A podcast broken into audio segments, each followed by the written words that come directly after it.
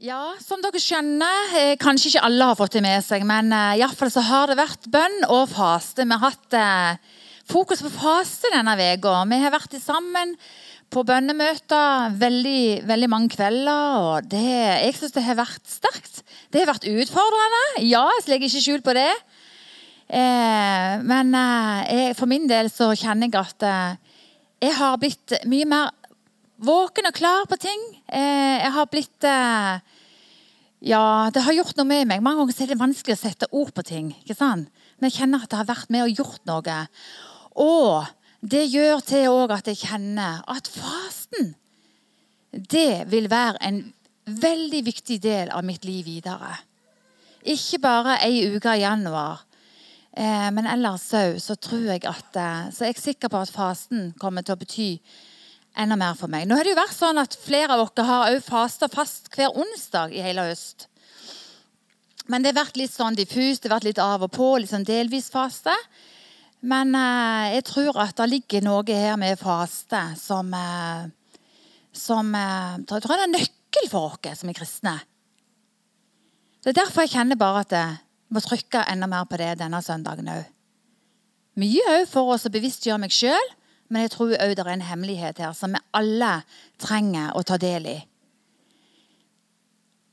Jeg tror veldig, veldig mange kristne har gått i mange mange år og ikke virkelig skjønt hva fasten kan bety. Ikke jeg heller. I mange, mange år. Men heldigvis er det sånn at, at um, vi kan få ny kunnskap, ny visdom, ny åpenbaring.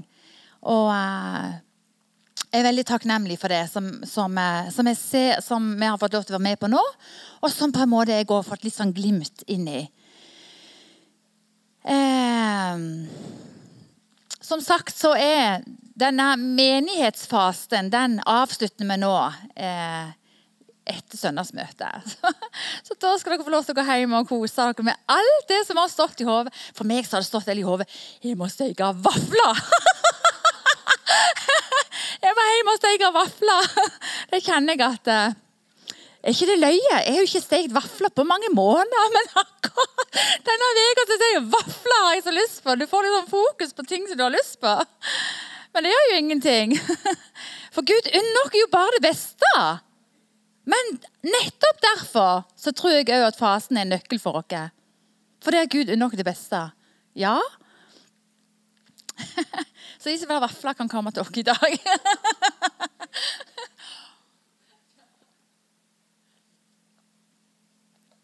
ja eh, eh, Jeg har tenkt på det at vi, vi kristne ikke sant, eh, vi kommer veldig lett inn i rutiner. Vi det er det samme som skjer år for år. Uke til uke. Det samme. Du kommer inn i sånn spor, rutiner. Og så, så, så, skjer det egentlig ikke så veldig mye. Eh, det er ikke så veldig mye forandringer. Vi er mange ganger på stedet hvil, sånn åndelig sett òg. Det er lett for å bli sånn.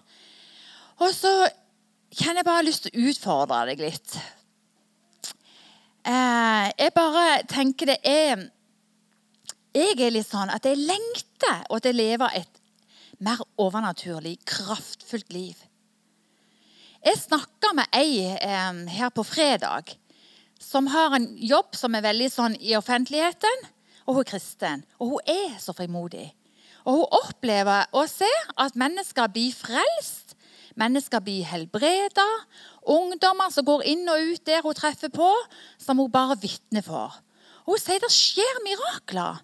Og folk som er inne i trolldom og hekseri og alt er blitt forført, de blir ledet til Jesus. Og jeg bare Jeg ble så oppmuntra når jeg hørte dette her. For det er veldig mye rart som skjer. Det er veldig mye rart som skjer. Men vi som er kristne, vi blir veldig fort vant med det. Vi blir så lett vant med det. For det skjer så gradvis. ikke sant vel? Så legger man ikke merke til hvordan egen, egentlig tingenes tilstand er, og hvordan ut, eh, samfunnet har utvikla seg. Så blir man så vant med det.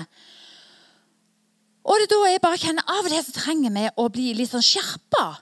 Som Kim André dere snakket om, trenger å bli litt sånn slipt, kalibrert. Og det tenker jeg at fasen er med å gjøre. Det fininnstiller oss litt. Det gjør at vi får klarsyn, vi blir skjerpa, vi blir slipt. Så står det òg i salmen, nei, det står i Matteus 5,3 at salige, velsignet er de fattige i ånden, for himmelens rike er deres. Kjenner du deg fattig? Kjenner du deg tom? Kjenner du deg kraftløs? Vet du hva, det gjør ingenting. Bare kjenn det. For salige, velsigna er de som er fattige, de som erkjenner det. De er velsigna, for himmelriket er deres. Det tilhører oss. Er ikke det fantastisk? Når vi kommer til det punktet der jeg bare kjenner jeg kjenner meg så fattig i ånden, jeg kjenner meg kraftløs, jeg kjenner meg tom. Ikke mist motet. Himmelriket tilhører oss. Og det er stort. Det er Da tenker ja, da er det framtid og håp for oss alle sammen. Ønsker du å kjenne Jesus på et enda dypere plan? Og oppleve og Oppleve at det er mer kraft i livet ditt. Oppleve å være mer på. Har du det som et ønske? Eller er det bare helt greit sånn som det er?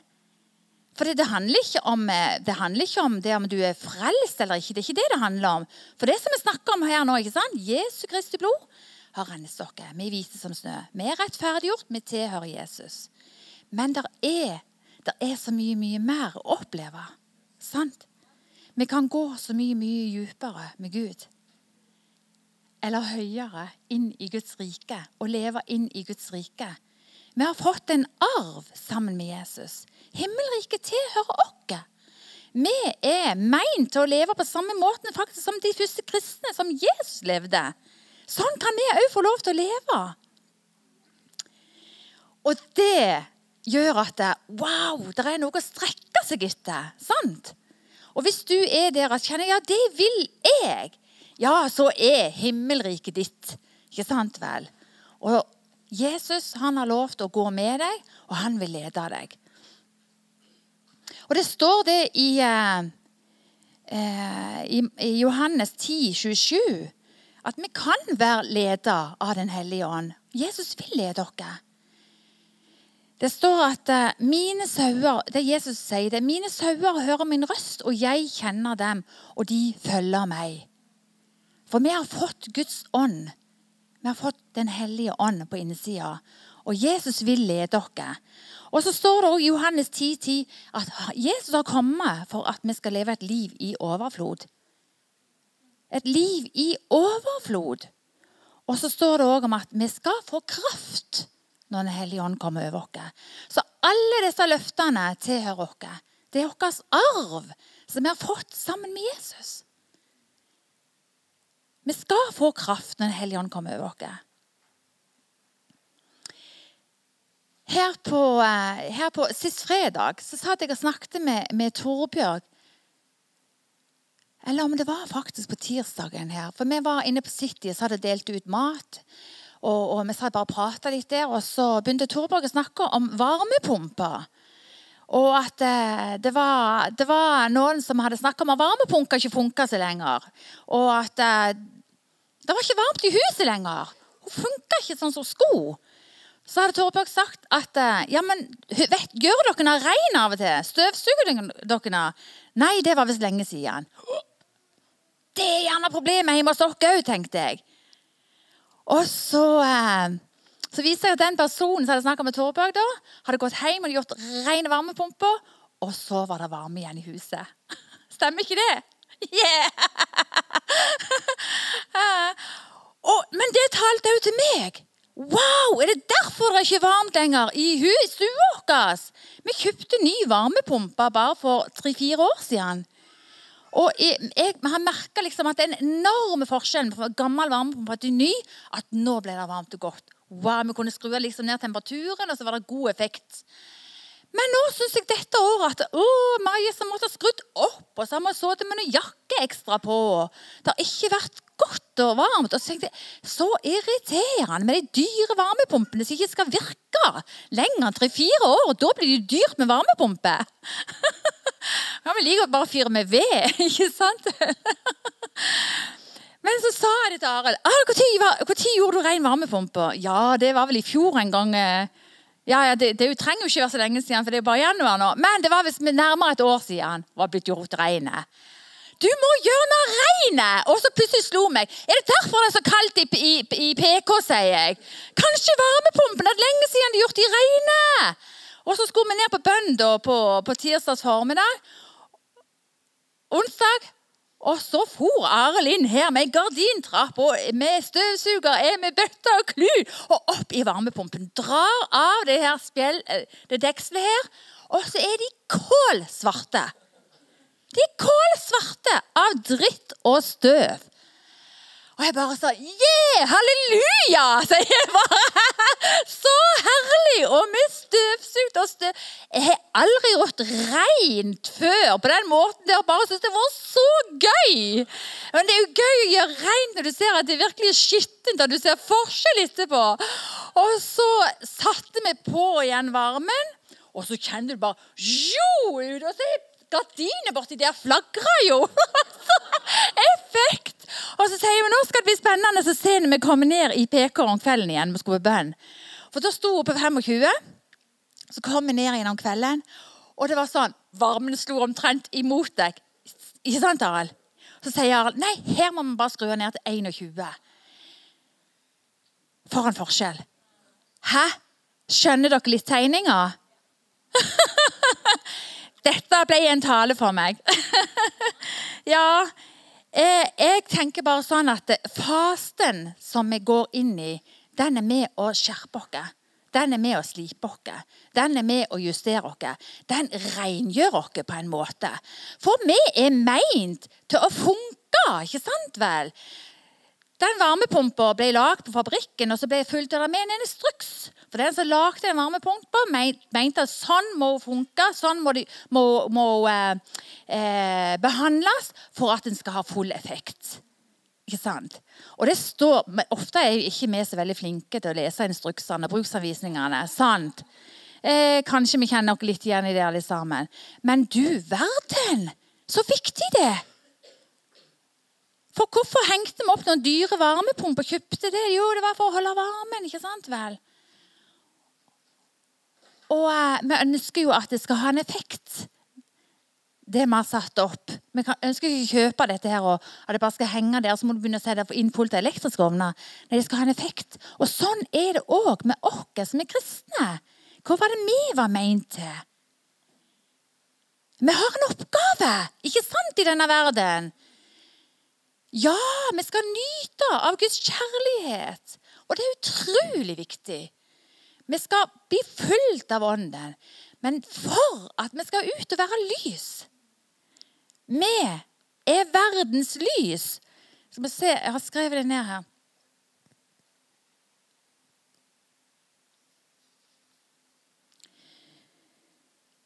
Det står i uh, Matteus 5, 14-16. Dere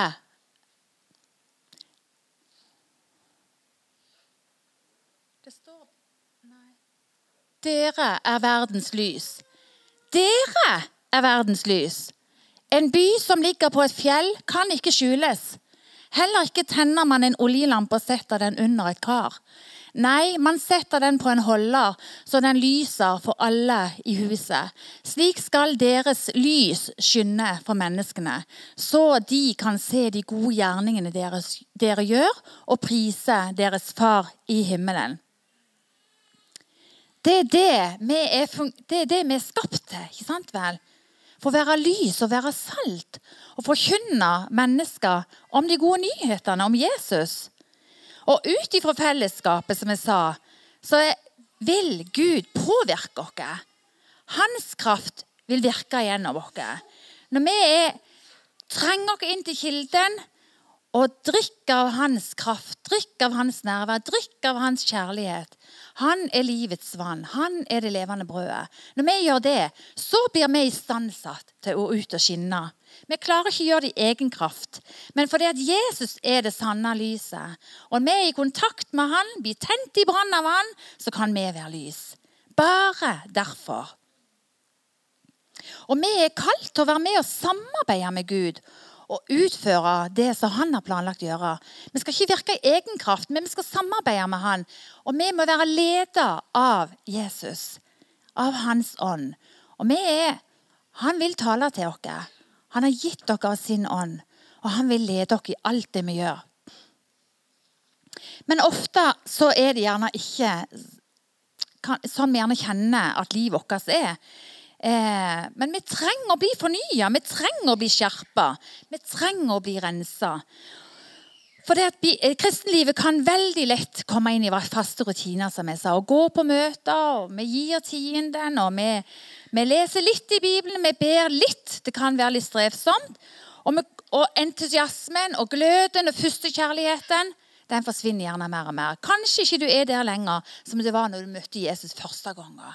Kanskje du får noen som sånne møter med Gud av og til. Det er bare så Yeah! Men hvis ikke du holder ved like din intimitet med Jesus, der han får sette deg i brann, så forsvinner gløden og entusiasmen. Selvfølgelig, Jeg snakker jo ikke om det at livet går òg i faser. Av det så er ting tungt. Men vi trenger å trenge oss inn på Jesus. Han er livets kilde. Han vil fornye sinnet vårt, tankene våre. Han vil fornye sin kjærlighet til oss. Så om du har en fase, en periode der det, er tøft og det er vanskelig, så hold ut. Hold deg fast til Jesus. Hold deg hold i hans hånd. For det at Jesus, Gud vil, han vil jo ikke først og fremst ha alle disse religiøse aktivitetene våre. Sant? Han vil ikke at vi skal gjøre og gjøre og gjøre, først og fremst. Han vil ha vårt hjerte. Det er det han vil. Han vil ha kontakt med oss. Intimitet med oss. Mange tror at hvis jeg bare gjør alle de rette tingene og er flink med det, og, og, og det går, har gått bra en dag, så kan Gud være fornøyd med meg. Jeg tror veldig mange lever sånn som det. Men det er, alt er gjort ferdig. Gud er fornøyd med deg før du har gjort noen ting. Han var fornøyd. Han, det bitte lille barnet, babyen. Han ser på den bitte lille babyen på akkurat samme måte som han ser på deg. Uansett hva du har gjort, eller hva den babyen ikke har gjort, så er vi på samme linje som han snakket om. Vi er rettferdige, vi er himmelen verdig. Vi skal bli som barn og ha en barnslig tillit til Gud. Men han ønsker at vi i intimiteten så ønsker han å bygge oss opp og tale til oss. Sånn at vi skal bli fylt med ånd og kraft og ut og være vitner og leve for han og være lys. Han er kilden til alt liv for oss, som det står i Salme 1. Å være planta ved rennende bekker. Friskt vann hver eneste dag.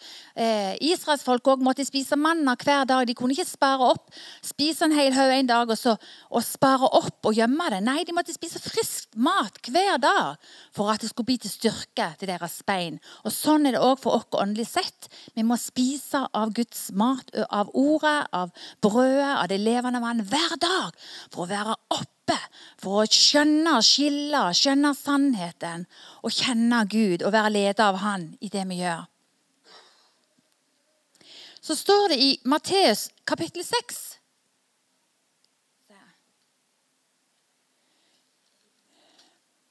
Ja, jeg kanskje ikke har sagt det til deg. Nei, det er ikke så farlig. Men det står om faste og bønn. Skal vi se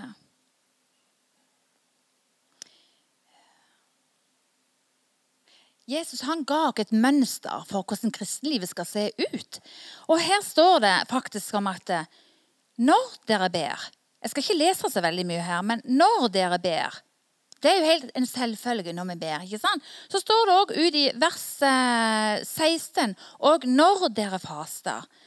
Eh, også retningslinjer for når vi ber og når vi faster. Så Det kan dere lese sjøl når dere kommer hjem, i kapittel 6, Matteus 6 når dere ber. Det står òg når dere gir. Gir av barmhjertighetsgjerninger. Når dere ber. Når dere faster. Så det er en helt naturlig del tydeligvis av et kristent liv som Jesus viste dere. Eh, og jeg tenker at han, Jesus la ikke vekt på det uten at det var viktig for oss. Jesus sjøl var et veldig forbilde på alt det han sa. Han sa ikke at vi skulle gjøre, vi skulle gjøre noen ting uten at han hadde gjort det sjøl. Så han var et forbilde i det å be. Og han ba til sin far. Han var et forbilde i det å faste. Og eh, vi ser det når Jesus fasta, var ute i ørkenen og fasta i 40 dager. Han fasta både fra brød og fra vann. Og han fasta før han begynte sin gjerning. Og mirakuløse ting begynte å skje i hans liv. Og Det står òg om at vi må søke først Guds rike og hans rettferdighet. Så skal vi få alt andre i tillegg. Derfor tror jeg det er så viktig at vi skjønner disse prinsippene. Og søker først Guds rike sine prinsipper. Søk først Guds rike hvis du ønsker forandring i ditt liv. Hvis det er områder i ditt liv som du strever med. Det kan være økonomien, det kan være ting på arbeidsplassen din, det kan være relasjoner, det kan være synd i ditt liv. Du vet sjøl hva det kan handle om. Det kan være ting som er låst for deg. Blir, det blir ikke en forandring. Ta en faste. Og jeg tror kanskje ikke du vil oppleve akkurat den uka du faster. Noen opplever det at du, får bønnesvar og ser ting tydeligere, men jeg tror du vil ha et resultat for resten av livet ditt. For kanskje du får svar i februar eller mars, eller at du ser Wow! Så kan du relatere. Wow, det handler om det. Det handler om det. Gud har virkelig gjort noe. Du sa at du var i en prosess. ikke sant vel? Mange ganger så starter der sånne prosesser i vårt liv. Det setter i gang noe i vårt liv som gjør at det, plutselig så får du gjennombrudd. Så får du en åpenbaring. Vi trenger det. Vi trenger å få åpenbaring i Guds ord. Bruke tid i Guds ord og be og faste. Ordet blir levende for oss. Og Det står om det at Guds ord er levende og virkekraftig. Hebreabrevet 4,12. Guds ord er levende og virkekraftig. Og skarpere enn noe tveget sverd. Det trenger igjennom til det kløver sjel og ånd og marg og bein og dømmer hjertets tanker og planer. Guds ord er levende og kraftig og skarpere enn et tvega sverd. Så når vi leser Guds ord, og ordet blir ett med oss, så vil det kløve hjertets tanker. ikke sant vel? Og så vil vi skjønne Oi, her er det noe som Gud taler til meg. Kanskje det er ting vi må omvende oss fra. Kanskje han viser oss en vei, en annen vei enn det vi trodde tidligere. Guds ord, det er så nødvendig. Og det er en viktig del av det, vårt kristenliv. Be og faste, givertjeneste og Guds ord. Guds ord er en lykt på min fot og en lys på min sti. Så når vi skal gå, når vi lever som kristne, så må vi være ledet av Guds ord. At Ånden får lede oss inn i ordet, opplyse det og gjøre det levende for oss.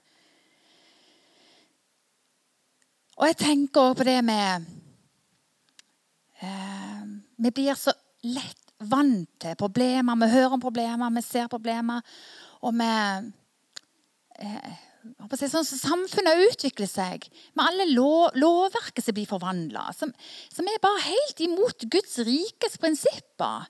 Som vi bare tenker, kan tenke gjerne sånn to minutter Oi, ja, det var ikke bra. ikke sant? Å, dette, dette er ikke bra. Men vi har, vi har kraft vi har makt til å gjøre noe med det. Eh, vi må ikke resignere og bli likegyldige og bare tenke ja, ja. Men vi som kristne vi er jo, vi er jo satt til å være lys, ikke sant, som står her. Vi skal være salt i forråtnelsen. Av og til med de ord vi sier, så skal vi, vi skal av og til òg fortelle vi, i samtaler. Men jeg tror at bønnens makt har enormt stor betydning, og òg når vi faster. Vi leser om Daniel i, Daniels bok, profeten Daniel, hvor han var med og forandra et helt samfunn i det at han var med og ba for landet og fasta. Han var med til og med å påvirke inn det, på det åndelige nivået. Jeg tror det var en 21 dagers faste han hadde. Eh, og han var med og virka inn det, jeg skal ikke si så mye om det. Eh, men det var i forhold til et bønne som var, som var på vei. ikke sant vel? Så var det kongen av Persia, fyrsten av Persia. Altså en demon som lå over, over Persia.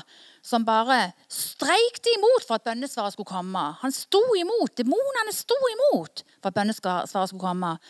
Og Jeg skal si det, jeg er overbevist om at når vi begynner å faste og be og gå inn i bønn for dette landet, så vil vi se at bønnesvarene begynner å, å, å, å løsne. Og at landet kan bli forvandla. Når vi kristne begynner å skjønne hvem vi er i Jesus, og at dødsrikets porter skal ikke ha makt over oss. Vi er lys, og vi er salt. Og Jesus har gitt dere alt det vi trenger for å være kristne som kan være med å forvandle nabolag, byer og land. Det ser vi i Bibelen om igjen og om igjen. Hvordan mennesker blir kalt av Gud, blir reist opp og utrusta med Den hellige ånds kraft til å være med og forvandle. Og der er du og meg òg involvert. Vi har muligheter. I det at vi er Guds barn, vi er hans ambassadører, så kan vi òg få lov til å være med og forvandle og ha en betydning. Du må bare gå inn i band og spørre Gud hva vil du bruke meg. Jeg tror ikke at alle skal ha, Vi skal ikke ha den akkurat den samme oppgaven alle.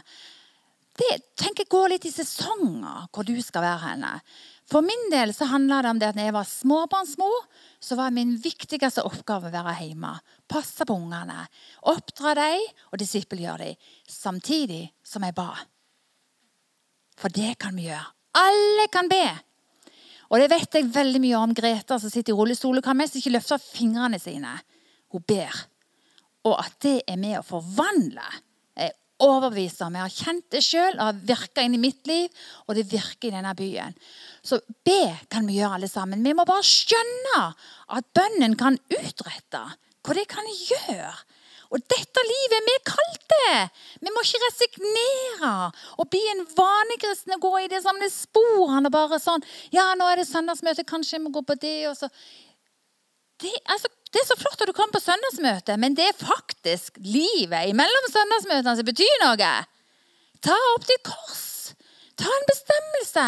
Vil jeg fortsette i det samme sporet? Vil jeg bare holde på med det samme jeg gjør? Nei, Gud, jeg bøyer meg ned for deg. Har du din vei, Gud, i mitt liv? Jeg ønsker å se mer av ditt rike. La din vilje skje. La ditt rike komme i mitt liv. Så kan jeg få lov til å være med og påvirke inn i min familie, ungene mine, på arbeidsplassen, nabolaget. Og så, så, så utvikler det seg sånn step by step. Men Gud har bruk for oss alle sammen. Alle sammen. Og det er så stort. For han har lov til å være med alle dager. Han vil gi deg akkurat det du trenger, der du er, og der du virker.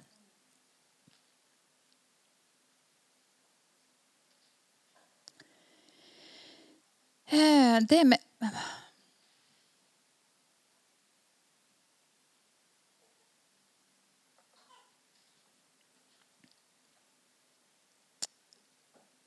Når vi faster, så er det på en måte som et offer. ikke sant vel? Det er noe du ofrer. For alt det som du har kjært, som du er glad i, kanskje avhengig av, kaffe, brus, Eh, sjokolade. Jeg har spist sjokolade hver dag så lenge jeg har levd i Omtrent. Jeg elsker sjokolade. Men denne uka har jeg ikke spist sjokolade. Jeg har rett og slett mest ikke tenkt på det engang. Det er jo litt deilig. Så Sånn sett var det ikke et offer for meg, men andre ting som har vært offer. Og fasen kan være et offer for veldig mange. Og bare tenke hoppe over et måltid kan gjerne være kjempestor for deg. Så kanskje det er nok. Begynn med det. Jeg tenker Kanskje mange av dere ikke har vært med på denne fasteuka, for jeg tenker at det kan ikke jeg klare. Men begynn med ett måltid. Kanskje lunsjen eller frokosten. Og bare tenk Gud, jeg ofrer den til deg, for jeg vil ha mer av deg. Jeg ofrer frokosten, for jeg vil ha mer av deg. Begynn med det. Begynn i det små. Ikke tenk at det er hel uke første gangen, men begynn med det små, sånn at det blir overkommelig. Og så vokser du i det. ikke sant vel? Så det er en veldig god start. Og så jeg anbefaler deg òg å kjøpe ei, eh, ei, bok som jeg òg har lest om faste. Hun heter 'Faste' av Jentesin, Jentesin Franklin. tror jeg Det Det er bare å gå på en kristen bokbutikk, så finner du den boka der. Og Jeg anbefaler deg. For da vil du skjønne hva faste har av betydning i ditt liv, og hvor nøkler det er, og hvordan du kan gjøre det. Og det, det er klart Når du leser og skjønner og fatter vet dette må jeg ha. Hvor betydning det har for ditt eget liv, for din familie. For når du faster, så virker det ut over hele familien din. Det virker ut på naboene dine, det virker ut på arbeidsplassen og der du er. Det har en stor betydning. Og eh, Jeg tenker at det er noe som mange ganger så er det disse tingene som vi er så glad i. Det, vi blir litt styrt av det. Det er sånn med begjæret. Man går etter det. 'Jeg vil ha det.' Ikke sant vel? Jeg vet om ei som jeg kjenner, hun sier jeg kan kjøre mange mil for å kjøpe Pepsi Max. Har de det ikke i byen, så kjører jeg til Lyngdal for å kjøpe det. For hun er helt avhengig av det. Hun er styrt av det. og kanskje noen av dere kan kjenne dere igjen i mange ting. Jeg liksom... Ja, jeg husker det at jeg, når jeg gikk gravid, det er jo en annen ting, men jeg hadde så lyst på lapskaus. Jeg måtte, Det var det eneste som sto i hodet på meg. Jeg måtte ha lapskaus. Og så måtte vi kjøre opp til Loka, og så fikk vi lapskaus av bestemor. ikke sant? Det blir litt styrt av dine begjær. Bare forstå poenget. At eh, vi må ikke la oss bli Noen ting er uskyldig, selvfølgelig. Men i det store, det hele og i det jevne så må vi ikke la oss bli styrt av vårt begjær. For da er det det som står på førsteplassen. Men det er Jesus som skal stå på førsteplassen. Så faste, det er et offer. Det står i Romerbrevet 12,2. Hanna, har du det klart?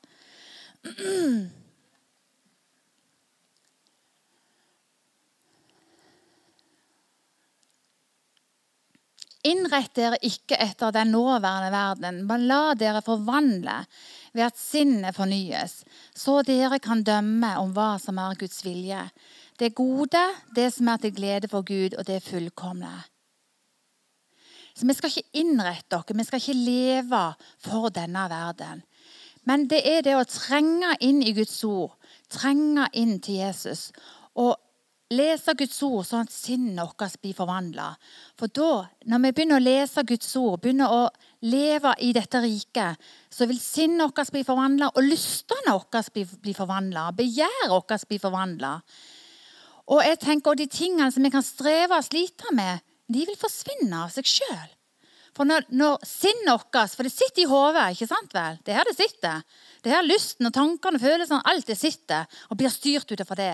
Men når sinnet blir forvandla, så blir begjæret oppførselen vår òg bli forvandla.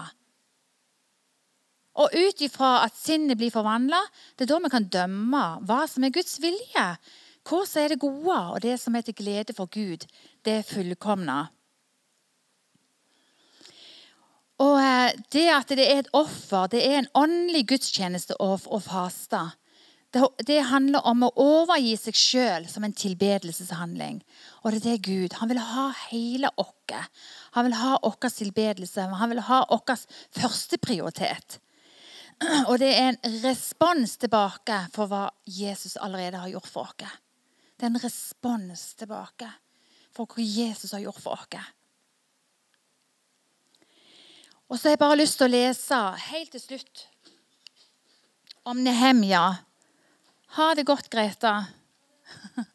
Så bra at Greta, du fikk tid og anledning til å komme. Ja, Gud velsigne deg.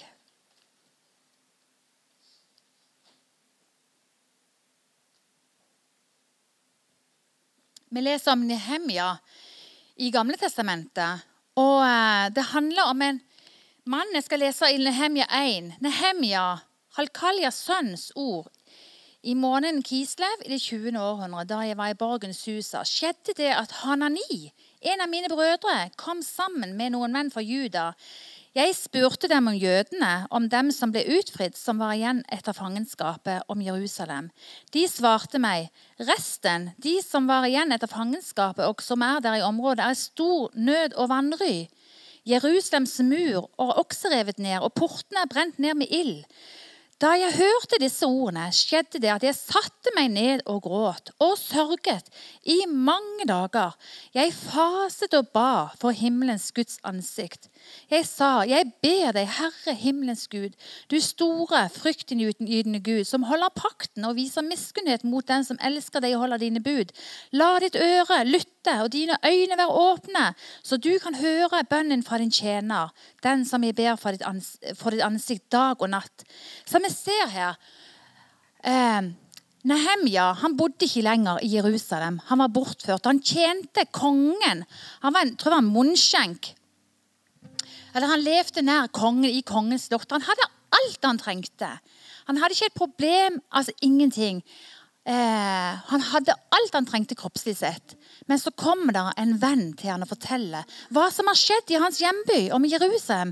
Hele murene har rast ned. Hele folket lider. Og så kjenner bare Nehemja Wow! Han kjente at han fikk medlidenhet. Han ble, han ble så sorgfull. Han gikk inn i bønn og faste og ropte til himmelens Gud for Jerusalem. Hva skal vi gjøre? Hva skal jeg gjøre for dette? Kan jeg ha en betydning for, for, for byen min? Hva kan jeg gjøre? Han hadde alt han trengte. Men han fikk et hjerte for byen hans. For det, byen hans. Han ville ofre seg og gjøre noe for å hjelpe byen skulle bli oppreist igjen. Han så at hele landet, folket, lei nød. For fiendene gikk inn og ut nå. Det var ikke murer lenger til å beskytte byen. Og det vi ser, at Nehemja han gikk inn for Gud i faste. Ropte av hele sitt hjerte. Av medlidenhet. Og så fikk han strategien. Han fikk planen fra Gud. Hva han skulle gjøre for noe. Så gikk han fram til kongen for, for, å servere han igjen. Kongen ser faktisk at Nehemja går og bærer på noe. Og spør han hva er det Nehemja Og Nehemja sier egentlig så har han ikke lovt å fortelle noen ting som angår han for det er kongen det gjelder. Men kongen sier, 'Hva er det, Nehemja?' Jo, så forteller han situasjonen. Så sier han, 'Ja, men Nehemja, du må reise', sier kongen. 'Du skal til og med få med deg verktøy og redskaper for å, å reise opp igjen murene.' 'Du må reise, jeg velsigner deg.' Er ikke fantastisk? Når Gud har gitt, dere eh, strategien, og vi vender oss til Gud i bønn, så vil han gi dere, strategien. Han vil gi dere alt det vi trenger for å utføre det oppdraget som vi skal gjøre. Og Nehemja reiser til Jerusalem og går rundt byen for å observere hva er det som skjer. Han går i bønn. Og så viser det seg, så finner han faktisk folk som ønsker å stå sammen med han ønsker å gi seg til oppdraget. Og du må lese Nehemjas bok. Det er så stort.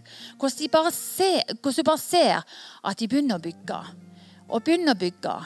Og eh, vi ser at muren Det var folk som kom og hånte og spotta arbeidet og tenkte dette kommer aldri til å funke.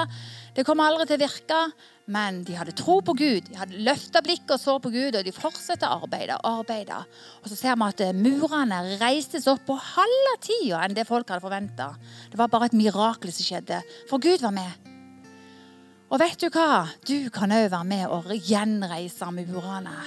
Du kan være med og gjenreise det som er nedrevet og fortapt, det som er ødelagt. Enten i ditt liv eller ektefellens liv ungene dine, eller hvor det enn er, så kan du være med og gjenreise. Du kan være med og utgjøre en forskjell. Bety en forskjell. Vi har fått alt sammen med Jesus. Og jeg tror at det med vaste Gud ser til hjertet. Jeg legger vekk noe av det som jeg har kjært. Jeg gir det til deg, Jesus. Han vil ha hjertet vårt.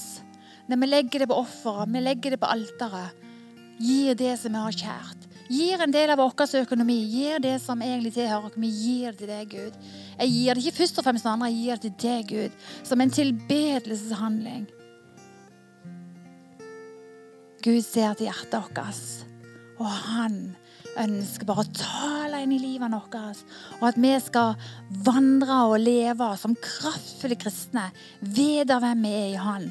Vi har fått alle himmelrikes nøkler som vi trenger. Være med å løse opp åndelige områder, vanskelige situasjoner. Vi kan være med å, å binde åndelige situasjoner, og vi kan be. Dette er våre nøkler. Det tilhører oss. Vi lever i denne verden, men vi er ikke av denne verden lenger. Vi er i Guds rike, og her gjelder de åndelige bibelske Guds rikes prinsipper, nøklene. Det tilhører oss.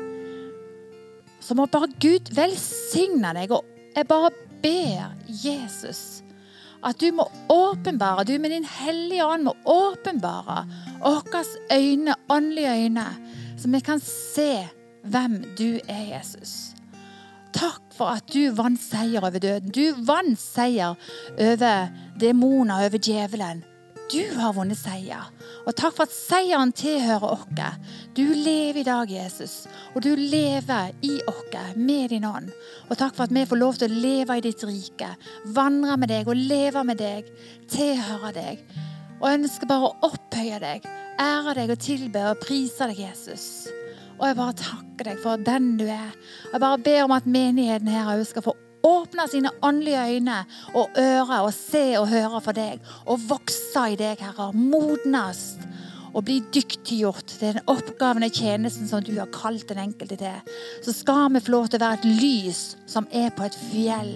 Og vi skal lyse for hele denne byen her, sånn at ditt rike skal bli synlig.